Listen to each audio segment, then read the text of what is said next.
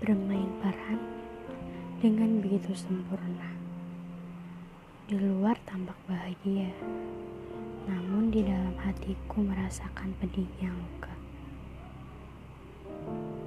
Betapa berat kaki ini untuk melangkah.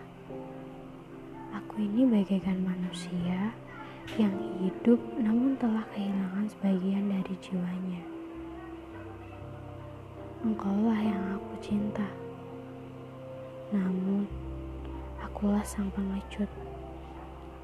Sedemikian, hingga aku tak juga berani mengatakan perasaan ini yang sebenarnya. Hingga semuanya sudah terlambat ketika aku melihat kau telah bersanding dengan yang lain. Aku tidak tahu Sesungguhnya aku tak berhak cemburu atas dia. Dia orang yang betapa beruntungnya bisa bersamamu dengan peluk dan tawa yang kau berikan.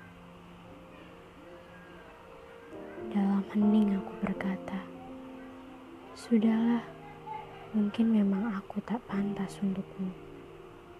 Namun, di sisi lain aku berdoa Semoga masih ada kesempatan suatu saat nanti untuk aku meluruskan waktu agar bisa bersamamu.